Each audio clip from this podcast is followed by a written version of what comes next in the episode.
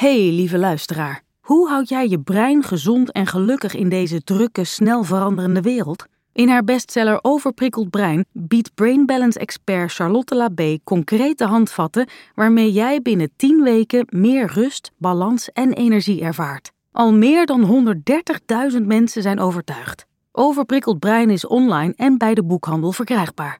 En dan gaan we nu door naar de podcast. Ik ben heel erg blij dat Tinder niet bestond in mijn tijd.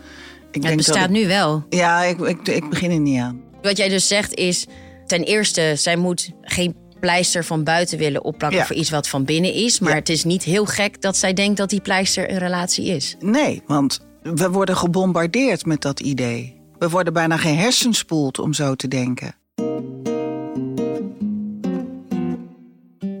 Welkom bij Lieve Marianne, een podcast waarin ik brieven beantwoord over het leven en de liefde.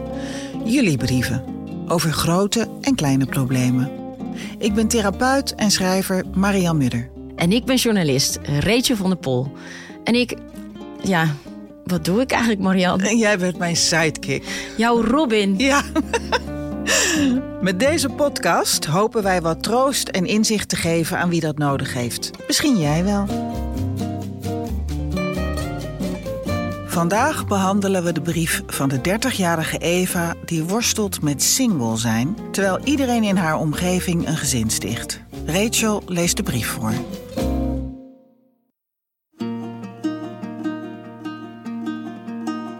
Lieve Marianne, ik kom maar gelijk tot de kern. Ik ben 30 jaar en ik heb nog nooit een serieuze relatie gehad. Dat klinkt een beetje als zo'n anonieme alcoholistenverklaring.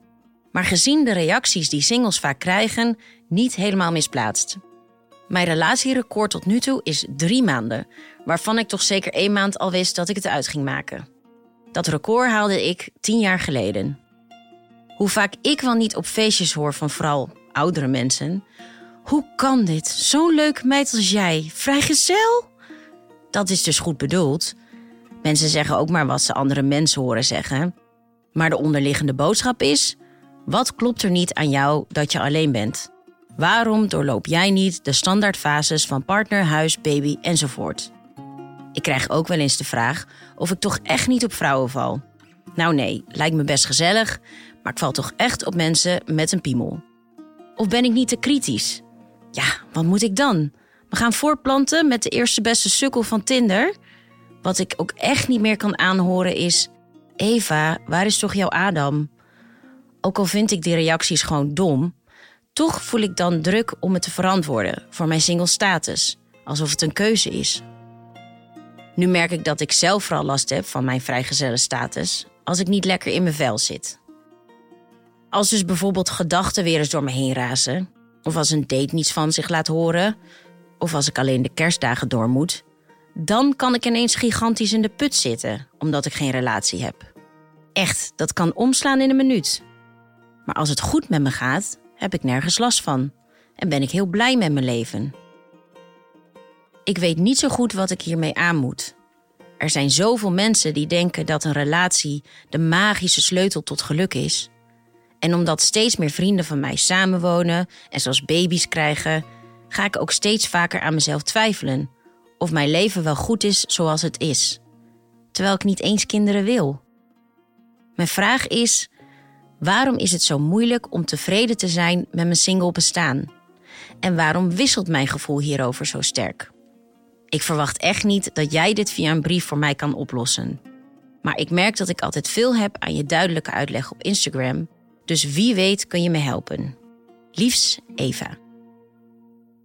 Ja, dat is wel een heel herkenbaar probleem voor mij als eh, single vrouw, dat ik heel lang single ben geweest. Dus eh, ja, daar kan ik wel het een en ander over zeggen. Ehm, wat, ik, wat ik in ieder geval eh, heel goed snap, is dat op het moment dat je je niet goed voelt, je gaat denken dat het komt omdat je geen relatie hebt. Want dan ga je natuurlijk kijken in je leven en denk je, waarom, waarom voel ik me slecht? Oh, nou, dat komt omdat dat niet, dat is niet conform de norm. dus dat zal het dan wel zijn. En dan ga je als een gek op zoek naar een relatie. En daar word je ook niet gelukkig van. Dus ja, het is een beetje een visieuze cirkel. Wat heel belangrijk is, is dat ze zich gaat realiseren dat dat de oplossing niet buiten zichzelf ligt. Dat zeg ik in bijna elke aflevering van de podcast. Maar ga naar binnen. Ga kijken wat die onrust is. Wat vertel je jezelf op het moment dat je niet goed bent? Ja, want dat zie ik ook heel veel vriendinnen van mij doen. Dat op het moment dat er onrust is, of ze voelen zich even alleen, of ze hebben even niks te doen, hup, de telefoon erbij, Ja. Tinder, Ja. swipen, Ja. om niet te hoeven voelen eigenlijk wat er ik op dat moment aan de hand is. Ja, ik ben heel erg blij dat Tinder niet bestond in mijn tijd. Want ik was echt. Ik het bestaat ik- nu wel. Ja, ik, ik, ik begin er niet aan. Nee, Nee, je nee, bent niet nee. aan het swipen? Nee, ik heb het wel een tijdje gedaan, Oh ja. to be honest. Maar het beviel me helemaal niet. Dus eh, nee, nee, het kost me veel te veel tijd ook. Nee. Maar goed, wat jij dus zegt is... ten eerste, zij moet, of zij moet geen pleister van buiten willen opplakken... Ja. voor iets wat van binnen is. Maar Ja. het is niet heel gek dat zij denkt dat die pleister een relatie is. Nee, want we worden gebombardeerd met dat idee. We worden bijna gehersenspoeld om zo te denken.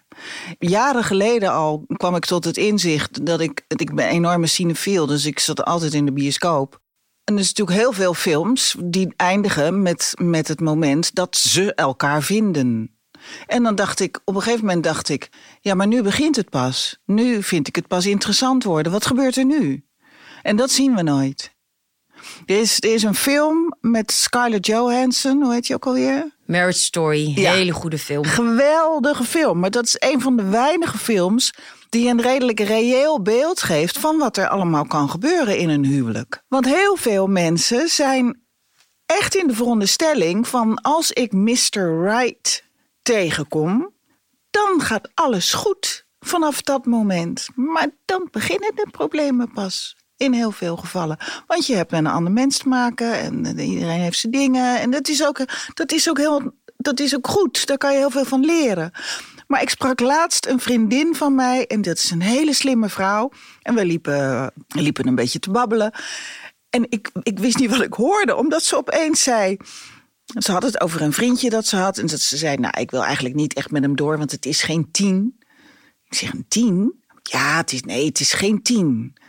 En, en je moet hem toch echt tegenkomen dat je het gevoel hebt dat het een tien is. Want ja, dan heb je nergens meer last van. Dit is een hoogopgeleide, hele bewuste vrouw. En ik, ik ben er niet eens op ingegaan. Ik dacht, dit wordt een heel moeilijk gesprek. Waar moet ik beginnen? Ja. maar, maar ik begrijp wel dat mensen, dat vrouwen zo denken. Want dit wordt ons op alle mogelijke manieren. We leven in een beeldcultuur. In alle beelden zit dit verhaal. Nou, De en man dan, is, ons, is onze eindbestemming. En met de man komt alles goed. en misschien om daar nog aan toe te voegen, wat ook zo opvallend is, ik, ik las ook nog laatst in een onderzoek van bijvoorbeeld, nou, je hebt dan de Star Wars films. Mhm. Dat wordt beschouwd als een familiefilm. Daar ga je met de hele familie naartoe. Ja.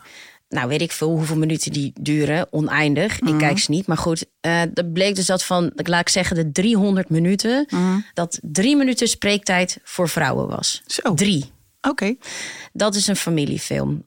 Vrouwenfilms, wat we dus beschouwen als zeg maar de romcoms Ja. hè, waar wij naar kijken, daar gaan dus vooral vrouwen naartoe. Mhm. En daar wordt dat sprookje de hele tijd herhaald van, nou en nu vinden ze elkaar en dan gaat het verder. Dus dat is ook nog iets wat nog specifieker op vrouwen gericht is. Ja.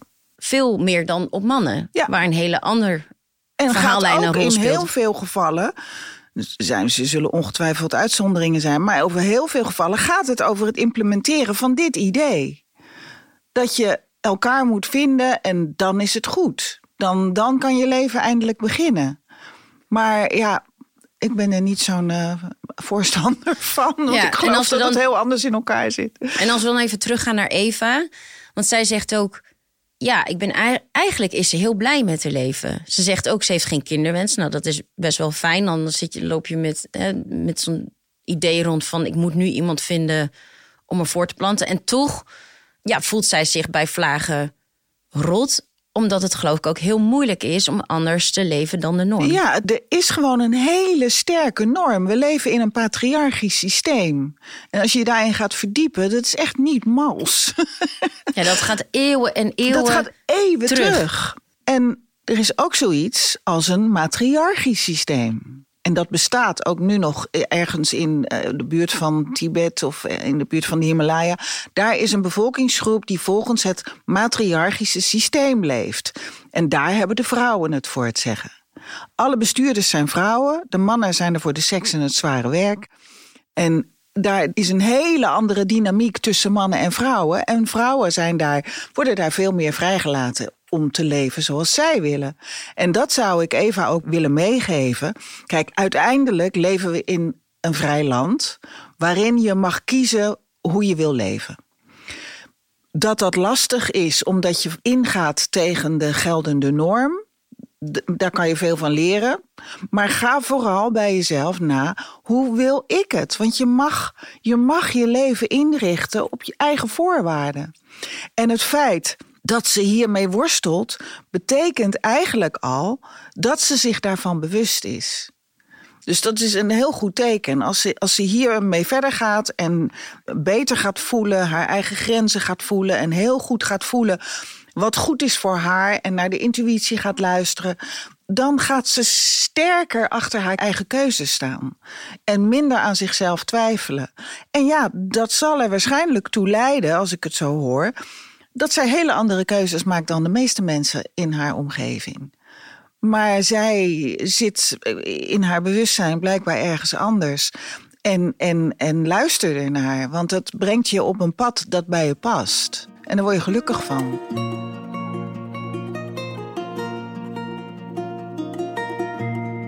Ja, ik heb bijvoorbeeld ook een, een vriendin, um, die is nu in de 50. Die heeft ook heel bewust gekozen voor een leven zonder kinderen. Zij kent zichzelf heel goed. En zij heeft mij ook wel eens verteld van ja, nou ja, inderdaad, vrienden om me heen kregen kinderen, eh, stichten een gezin.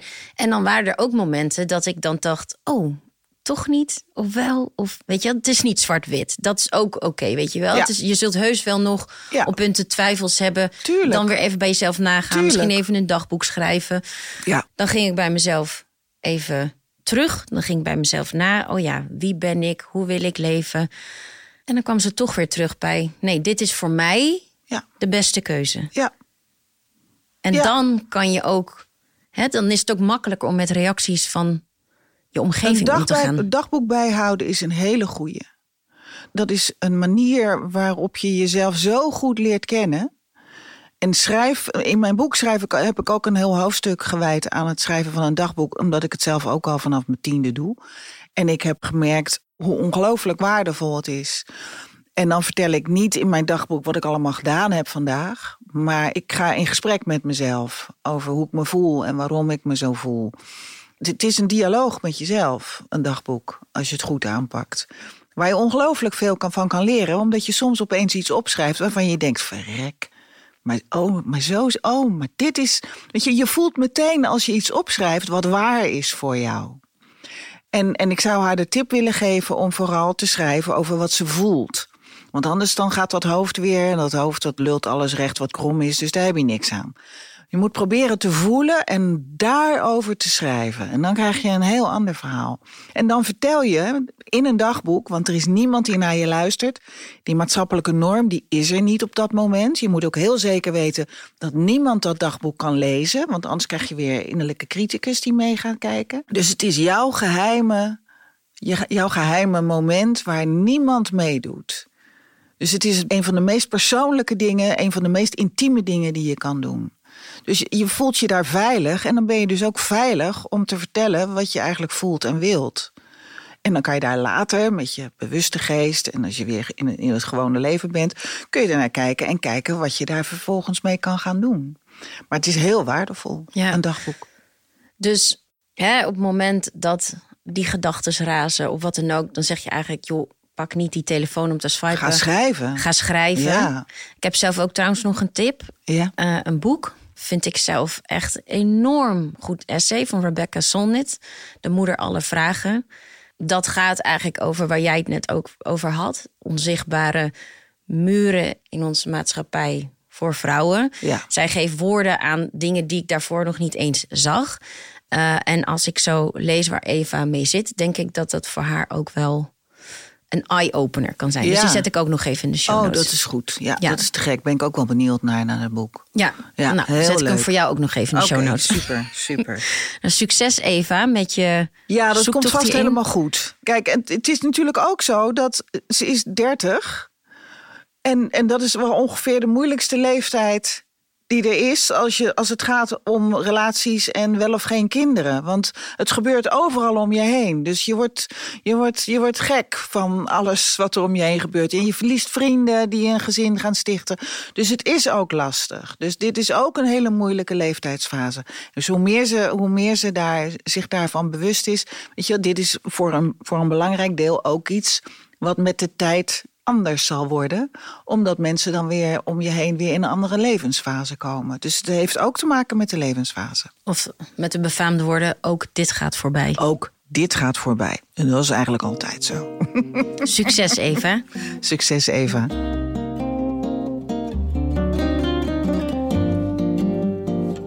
Je luisterde naar Lieve Marianne, een podcast van VBK Audiolab en Ambo Antos. In deze aflevering heb ik het onder meer gehad over hoe moeilijk het is om als vrouw je eigen keuzes te maken die afwijken van de norm. Alles wat we daarover hebben gezegd en getipt qua boeken en films kun je vinden in de show notes.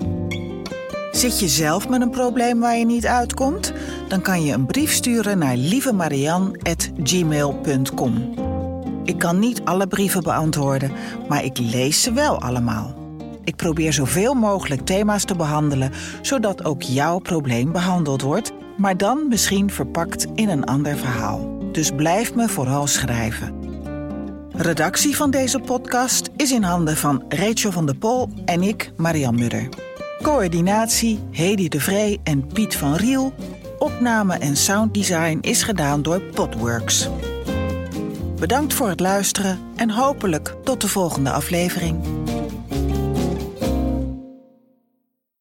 Hey, lieve luisteraar. Hoe houd jij je brein gezond en gelukkig in deze drukke, snel veranderende wereld? In haar bestseller Overprikkeld Brein biedt Brain Balance expert Charlotte Labé concrete handvatten waarmee jij binnen 10 weken meer rust, balans en energie ervaart. Al meer dan 130.000 mensen zijn overtuigd. Overprikkeld Brein is online en bij de boekhandel verkrijgbaar.